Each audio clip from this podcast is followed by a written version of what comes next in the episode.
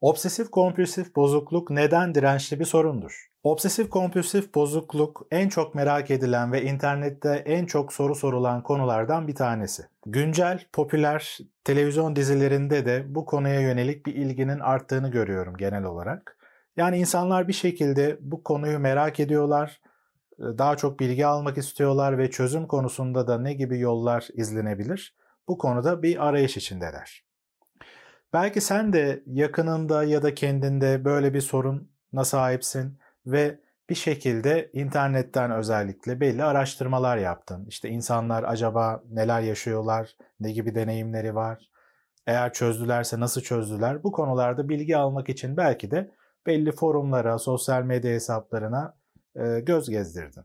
Ve muhtemelen şu tür şeylerle karşılaştın. İşte bu sorun çok zor bir sorun. Yıllardır ilaç kullanıyorum, terapiye de gittim, çözülmüyor.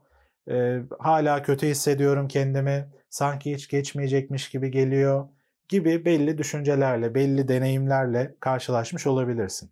Ve tabii ki bunlar epey karamsar. Bu konuya baktığımızda evet diğer birçok sorun türüne göre daha zor bir sorun olduğunu söyleyebilirim. Ama şunu da görüyorum ki özellikle bir terapist olarak bu kişilerin deneyimlerini internetten ben de e, bir girip okuduğumda aslında birçok soru işareti olduğunu görüyorum. Yani o kişiler nasıl bir süreç almışlar, nasıl bir destek almışlar. Buraların genelde flu olduğunu görüyorum. Ve çoğu zaman da oradaki satır aralarına baktığımda birçok bilgi eksiklikleri olduğunu, yanlış noktalara odaklanıldığını görüyorum. Dolayısıyla deneyimli bir terapist olarak bugün sana obsesif kompulsif bozukluk konusunda özellikle bu sorun türünün ne gibi zorlukları var bunu 10 maddede genel olarak anlatmak istiyorum. Böylece obsesif kompulsif bozukluğun kendine has ne gibi sıkıntıları olduğunu daha iyi anlayarak buna göre kendi çözüm arayışında daha uygun manevralar yapma şansın olabilir. Ve böylece zaten dirençli olan bu sorunda daha da göz göre göre işini zorlaştırmaman mümkün olabilir. Obsesif kompulsif bozukluğun ülkemizde tahminen her 100 kişiden 2-3 tanesinde görüldüğü düşünülüyor. Şimdi obsesif kompulsif bozukluğun adına baktığımızda obsesyon ve kompulsiyonlardan oluşan bir bozukluk olduğunu görüyoruz. Şimdi bunlar teknik tabirler. Bunları biraz daha kısaca anlatayım istersen. Obsesyon denilen şey takıntılı düşünceler aslında. Bizim özellikle ruminasyon dediğimiz tarzda yani tekrar tekrar akla gelen, zorlayan, aklından çıkarmakta güçlük yaşadığın tarzda rahatsız edici düşüncelerden bahsediyoruz. Mesela nedir bunlar?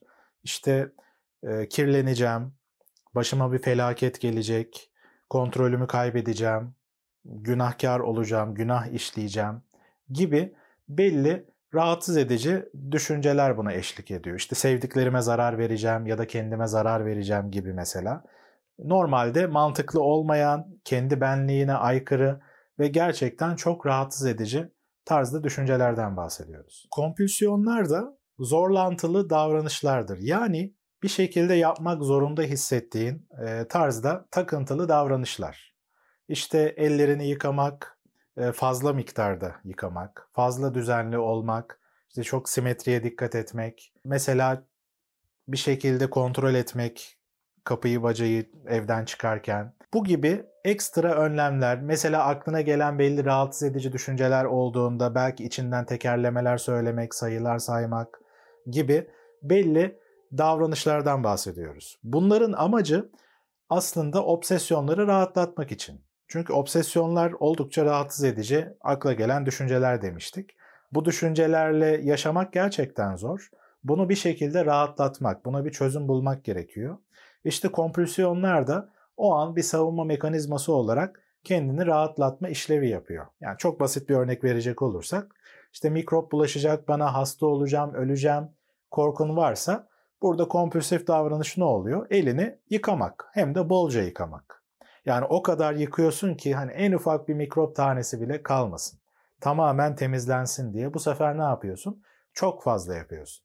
Ve bunu çok fazla yaptığında da esnek olmayan katı bir şekilde çok fazla zaman ayırdığında buna da kompulsif davranışlar diyoruz. Burada önemli bir noktada uyarmak istiyorum bu arada. Yani her takıntılı düşünce ve davranışa yani takıntılı derken tekrarlı bir şekilde yapmak zorunda hissettiğin tarzda her düşünceye, davranışa, yani aklına gelen her şeye obsesif kompulsif bozukluk diyemeyiz. Mesela bir örnek verecek olursak pandemi dönemindeyken hepimiz hijyene, temizliğe, hastalık kapma korkusuyla birlikte ekstra özen gösterir hale geldik. Yani önceki zamanlara göre çok daha titiz bir şekilde bu konuya dikkat ediyoruz ve bir şekilde hastalık kapma riskiyle karşı karşıya olduğumuz bir durum içine girdiysek, ya bu bizim kontrolümüz dışında olmadan, mesela birinin bize e, sosyal bir alanda e, fazla yaklaşması ya da hapşurması gibi e, ya da bir yerlere dokunurken ekstra hassas olabiliyoruz. Bazen insanın aklına şey gelebiliyor yani ben obsesif biri mi oldum acaba fazla kaygılı oluyorum, temkinli oluyorum diye. Şimdi pandemi döneminde bir şekilde evet ekstra hassas ve özenli dikkatli olmak gerekiyor. Bu bir gereklilik. Bu sadece sana has bir şey değil hepimizin dikkat etmesi gereken bir şey olduğu için buna obsesif kompulsif bozukluk diyemeyiz. Çünkü pandemi şartları ortadan kalkınca bu konu, bu sorun daha kontrol altına alınmaya başlanınca o zaman daha rahatlamaya başlayacağız ve bu derece önlemleri bu yoğunlukta tabii ki almayacağız. Ama obsesif kompulsif bozukluğu olan birisi mantıklı bir gerekçe olmamasına rağmen bu önlemleri almaya devam eder. Obsesif kompulsif bozukluğun diğer birçok sorun türüne göre kendine has belli zorlukları olduğunu söylemiştim. Genelde de bu zorluklar e, gözden kaçırılıyor. Ve bunun nedenleri gözden kaçırıldığı için de çoğu zaman dirençli bir sorun olarak çözümlenmesinin daha güç olduğunu görüyoruz. Şimdi bugün sana daha derli toplu bir şekilde büyük resmi görebilmen açısından 10 tane madde üzerinden obsesif kompulsif bozukluğu zor kılan etkenler neler? Bunları genel olarak anlatacağım. Bu nedenlerden ilki kısır döngüdür. Obsesif kompulsif bozukluğun kendi içinde özel bir kısır döngüsü vardır. Yani bir şekilde e, kendini tekrar tekrar aynı durum içinde görürsün. Yani obsesyon gelir, obsesif bir düşünce gelir aklına. Sonra bu sana bir rahatsızlık verir ve bu rahatsızlığı hissedince kompulsif bir davranışla o rahatsızlığını gidermeye çalışırsın ve sonra arkasından bir rahatlama gelir. Ve bu rahatlama da sana aslında gizli bir şekilde şunu söyler. Bak bir daha kendini kötü hissedersen aynı şekilde kompulsif davranış içine girebilirsin. Tabii kendine bu kelimeleri kullanmıyorsun belki ama bilinç dışı düzeyde bunu öğreniyorsun. Yani bir alışkanlık haline geliyor.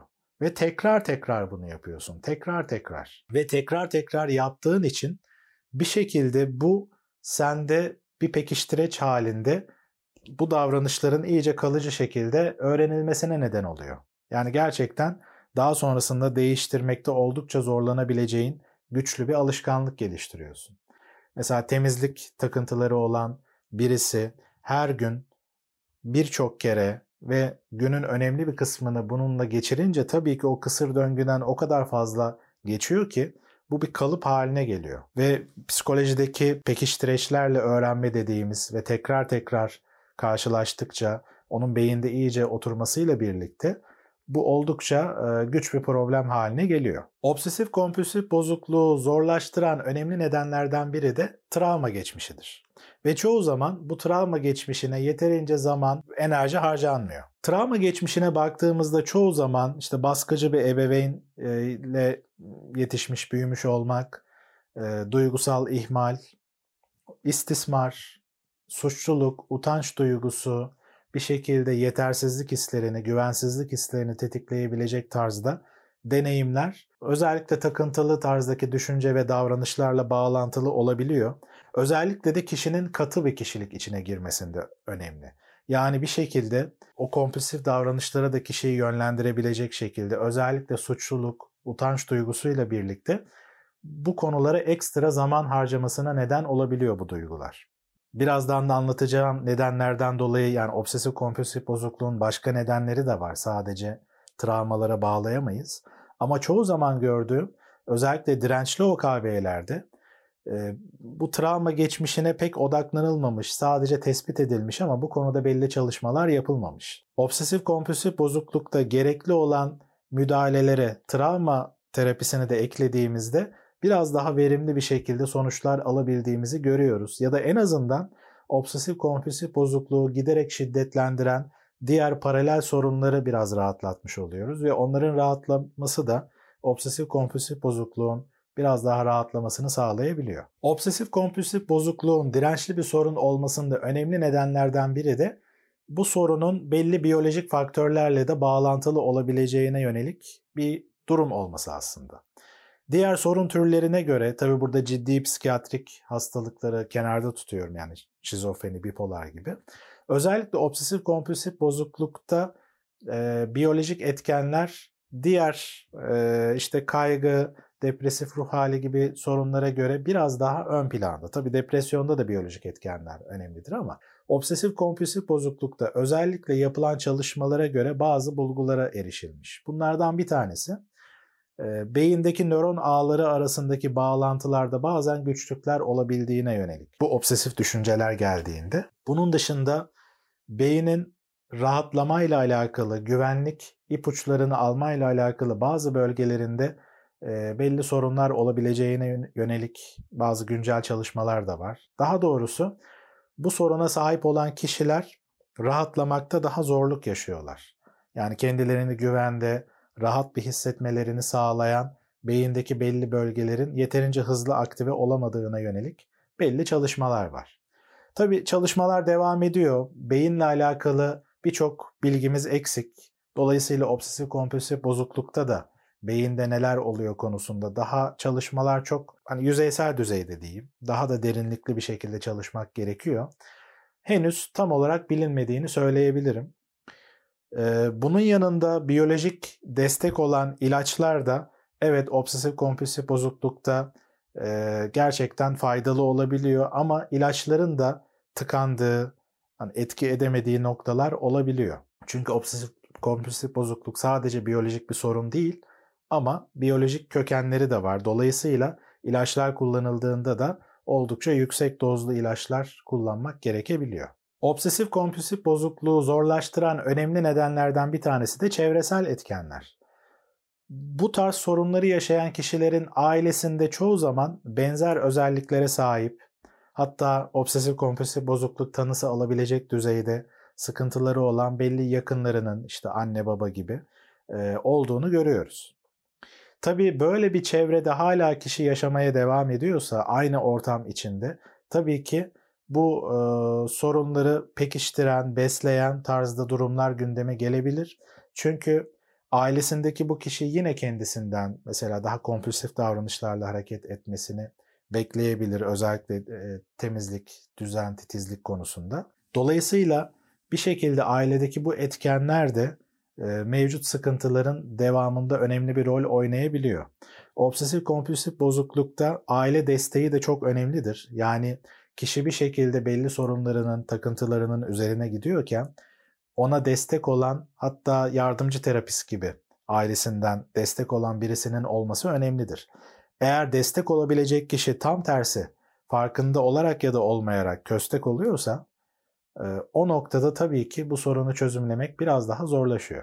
Obsesif kompulsif bozukluğu zorlaştıran önemli bir neden de belirsizlik nedeniyle tam yüzleşmenin yapılamaması. Kaygı sorunlarında yüzleşme ile birlikte hani o kaygılanılan durumun üzerine gitmek en etkili yollardan biridir ki obsesif kompulsif bozuklukta da hani en çok e, işe yarayan, en hızlı sonuç alınan e, müdahale yöntemlerinden biri de bu. Ama özellikle bazı sorun türlerinde, bazı takıntı türlerinde tam olarak yüzleşmek mümkün olmayabiliyor. Hatta birçok takıntı içinde de bu geçerli olabilir. Dolayısıyla da hani bir e, hayvan fobisi gibi diğer fobi türlerinde daha kolay bir şekilde o yüzleşme fırsatları yaratılabiliyorken obsesif kompulsif bozuklukta bu biraz daha güç olur. Mesela bir örnek vereyim. Depremden korkan birisi bunu yoğun bir obsesif düşünce haline getirdi diyelim ki ve bu obsesif düşünceler o kadar rahatsızlık veriyor ki e, her gece uzun dua ritüelleriyle birlikte e, kompulsif belli davranışlar içine girdiğini düşünelim. Yani bu normal e, dindar birisinin yapacağı duanın çok daha ötesinde. Hani yarım saat, bir saat boyunca her gün mesela kişinin dua ettiğini düşünelim. Kendine ve yakınlarına zarar gelmemesini sağladığını düşünüyor bu şekilde dua ederek. Ve dua etmezse yani bu konunun üzerine gidip dua etme süresini daha kısa bir e, zamanı çekerse o noktada yeterince koruyucu olmayacağını ve kendinin ya da yakınlarının başına bir deprem felaketi geleceğini düşünüyor diyelim ki kişi. Şimdi sonuç olarak ne kadar güvenli bir binada olursak olalım, hani yakınımız o an bir başka yerde olabilir ve o an deprem olabilir. Dolayısıyla bir şekilde felaket başımıza gelebilir. Yani bir belirsiz durum var. Bunu garantileyemeyiz. Hani kendimizin ya da yakınımızın bir depremde kesin olarak ölmeyeceğini garantilemek çok zor bir şey. Yani şehir hayatında en azından. Dolayısıyla bir şekilde gündelik hayatımızda bunun gibi birçok riski de alıyoruz. Yani önlemlerimizi alıyoruz tabii ki ama önlemimizi aldıktan sonra hani olabilecek düşük bir olasılığı da kabullenmemiz gerekiyor.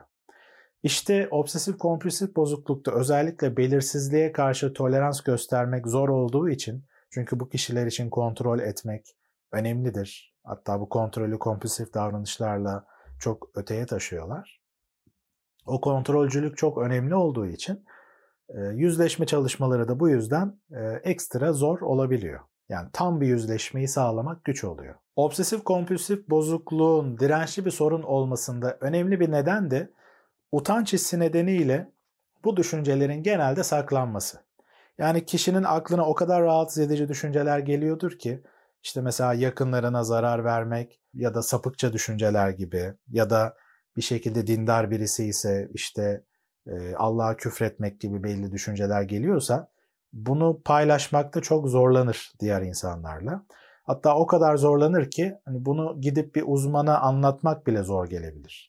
Yani gittiğim kişi uzman terapist bir şekilde benim hakkımda ne düşünür, benimle dalga geçer mi gibi gizleyebilir. Tabii ki bu gizlemeler nedeniyle de o sorunlarını müdahale etme, bunları çözümleme konusunda fırsat da ortadan kalkıyor. Kişi gidebilir belki bir uzmana ama gittiğinde orada da e, tüm obsesyonlarını ya da tüm kompulsif davranışlarını anlatmıyor olabilir. Komik geleceğini düşünebilir mesela. Örnek veriyorum işte kompulsif davranışın birisi işte dua okuyup evde e, dönerek tur atmak olduğunu düşünelim. Yani bunu eğer terapiste anlatırsam benim hakkımda ne düşünür acaba? Hani beni küçümser mi gibi bir düşünceyle eğer kişi bunu gizliyorsa tabii ki bu da e, süreci sıkıntıya sokar. Obsesif kompulsif bozukluğun dirençli bir hale gelmesinde genelde gözden kaçırılan ama önemli olan bir nokta da bu sorunu karakterin bir parçası olarak görmek. Yani ben aslında sorunlu biri değilim. Daha doğrusu bende psikolojik bir hastalık yok, bir bozukluk yok. E, bu e, titiz olmakla alakalı. Ben çok titizim, çok düzenliyim, çok temizim. Ee, en kötü senaryoları evet düşünüyorum ama bu benim gerçekçi olduğumu gösteriyor ve buna göre önlem alıyorum gibi hani bunu karakterin bir parçası haline getirmek. O noktada tabii ki sorun daha dirençli bir hale geliyor çünkü kişi farkında değil. Ya da bazı kişilerde mesela enteresan şekilde bu bir övünç kaynağı haline gelebiliyor. Yani sahip olduğu takıntılı davranışları bir güç göstergesi olarak kişi görebiliyor. İşte ben çok temizim, titizim, düzenliyim. Ya bu bir övgü malzemesi haline gelebiliyor. Ya da diyelim ki biriktirme takıntısı olan birisi, hani aldığı eşyaları hiçbir zaman atmayan, onu biriktiren kişiler bunu şöyle görebiliyorlar. Ben anılarıma saygı duyuyorum. Özenliyim, değer veriyorum. Sahip olduğum onların hepsi anılarım. O eşyaları atamam ben. Dolayısıyla ben özenli birisiyim gibi bunu bir karakter bir değer haline getiriyor. Dolayısıyla böyle bir nokta olduğunda da tabii ki çok zor oluyor bunları esnetmek, bu düşünceleri, davranışları. Psikolojide ikincil kazanç denilen bir tanımlama vardır. Yani kişiye zarar veriyor gibi olsa bile bir durum ondan bir şekilde alttan alta pozitif bir şeyler elde ediyordur diye. O noktada e, obsesif kompulsif bozuklukta da belirli ikincil kazançların olduğunu söyleyebiliriz. Belli durumlarda özellikle. Tabii bu sorunu e, iyice katmerlendiren önemli noktalardan bir tanesi de obsesif düşünceleri akıldan kovmaya çalışmak. Yani düşünmemeye çalışmak. Ve bunu çok sık bir şekilde yapmak. Sıkıntıdan sıkıntı duyma videosunda ya da aşırı düşünme e, videosunda da uzun uzun anlattığım gibi düşünceleri bastırmaya çalışmak, düşünmemeye çalışmak bunları daha çok gündemde tutmaya neden oluyor. Ve bu aslında kısır döngüyü devam ettiren bir unsur haline geliyor. Hatta düşünmemeye çalışmak bir nevi kompulsif bir davranış oluyor. Bu dışarıda yaptığın bir şey değil, içsel dünyanda yaptığın bir davranış olarak da görülebilir. O yüzden bunu da gözden kaçırmamak lazım. Obsesif kompulsif bozukluğu gerçekten güçleştiren ve daha da şiddetli hale getiren önemli noktalardan birisi de yaşam kalitesinin giderek kısıtlanması ve başka paralel sorunların gündeme gelmeye başlamasıdır. Nedir bunlar? Mesela özgüvensizlik. Çünkü kişi takıntılarının kendisini hapsettiğini bilir içten içe ve bu da özgüvenini düşürür. Diğerleri çünkü takma niye böyle yapıyorsun der ve o da içten içe evet bir şekilde üstüne gidemediğini bu takıntılarının bilir. Bu özgüveni düşürür. Tabi beraberinde bu düzenli bir iş hayatı olmasını da bir noktadan sonra etkileyebilir. Ya da belli projelerde sorumluluk alması, iş performansı anlamında da kişinin e, başarı düzeyini düşürebilir. Bunun dışında tabii ki ilişki sorunlarına neden olabilir. Çünkü obsesif kompulsif bozukluğa sahip olan biriyle yaşamak gerçekten zordur. Çünkü o kişinin de kendisi gibi e, hareket etmesini bekler ya da en azından kendisini engellememesini ister. Ki bu da oldukça zor olabilir gerçekten özellikle temizlik e, obsesyonlarında. Tabii ki depresyon çok sık görülen önemli bir şeydir. Bu sorunlar o kadar kişiyi yorar ki bir noktadan sonra diğer paralel sorunlarla da birlikte depresyona girebilir. Obsesif kompulsif bozukluğu güçleştiren bugün sana anlatacağım son neden de çözüm sürecinde kararlılıkla yeterince hareket etmemek. Yani yarıda bırakmak süreci.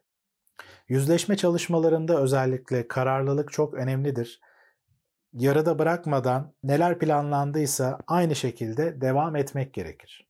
Eğer bir yerde yarım bırakma olursa o noktada aslında beyin tam olarak öğrenemiyor ve o kısır döngü tekrar alışkanlıklarla birlikte kişiyi etkilemeye devam ediyor.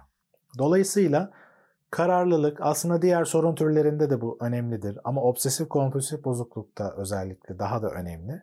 Çünkü e, bu sorunu yaşayan kişiler mesela birçok uzmana gitmiş olabiliyorlar, e, birçok terapist değiştirmiş olabiliyorlar ve her birinde de yarım yarım olduğunu görüyoruz. Belki birinde sonuna kadar kalsalar o zaman daha hızlı bir şekilde ilerleme şansı varken yani tam dananın kuyruğu kopacakken o noktada pes edip bir şekilde belki yüksek beklentilerle de birlikte hayal kırıklığına uğrayıp sürecin yarım bırakıldığını da çoğu zaman görüyoruz. Buraya kadar anlattığım bu 10 etken obsesif kompulsif bozukluğun dirençli bir hale gelmesinde oldukça önemli. Dolayısıyla eğer kendinde ya da yakınında böyle bir sorun varsa ve bu sorunun daha etkili bir şekilde çözümlenmesini arzu ediyorsan bu 10 etken açısından şöyle bir değerlendirmeni öneririm. Burada özellikle dikkat edilmesi gereken iki tane nokta var. Bunlardan bir tanesi bu 10 etken ya da bunların dışında tabii eklenebilecek başka şeyler de olabilir. Bu sorunu alevlendiren, güçleştiren, devam ettiren etkenlerin fark edilmemesi birinci üzerinde durulması gereken şey.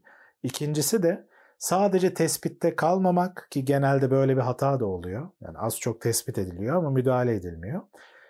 Dolayısıyla ikinci dikkat edilmesi gereken şey de bunları tespit ettikten sonra bu konuda adımlar atmak. Yani o bilgileri kullanmak aslında. Çünkü kullanmadığın bir bilgi senin değildir ve hayatına bir etki etmez. Dolayısıyla burada anlattığım noktaları az ya da çok kendinde görüyorsan ve böyle bir sorun yaşıyorsan o noktada gerekenleri yapmanı tavsiye ederim. Bunları nasıl uygulamaya dökebilirsin konusunda tabii ki söylenebilecek birçok şey var. Bu 10 maddenin her biri kendi içinde ayrı bir konuşma konusu olabilir. Eğer bir terapistten destek alıyorsan e, bu konuyu direkt gündeme getirebilirsin. Yani terapistin e, bir şekilde az çok bu etkenlerin zaten farkındadır ama belki bunun üzerinde kararlılıkla ve odaklanarak durma fırsatı belki olmamıştır. O noktada sen de yönlendirebilirsin. Bunun dışında aslında bu konuyla alakalı başka bir videoda hazırlamıştım obsesif kompulsif bozukluğun çözümlenmesi sürecinde nelere dikkat etmek gerekiyor diye. Bu videoyla aslında tamamlayıcı bir şekilde o diğer videoyu da izlemeni öneririm. Konuyla ilgili düşüncelerini, görüşlerini, deneyimlerini aşağıdaki bölümde paylaşırsan sevinirim. Tekrar görüşmek üzere.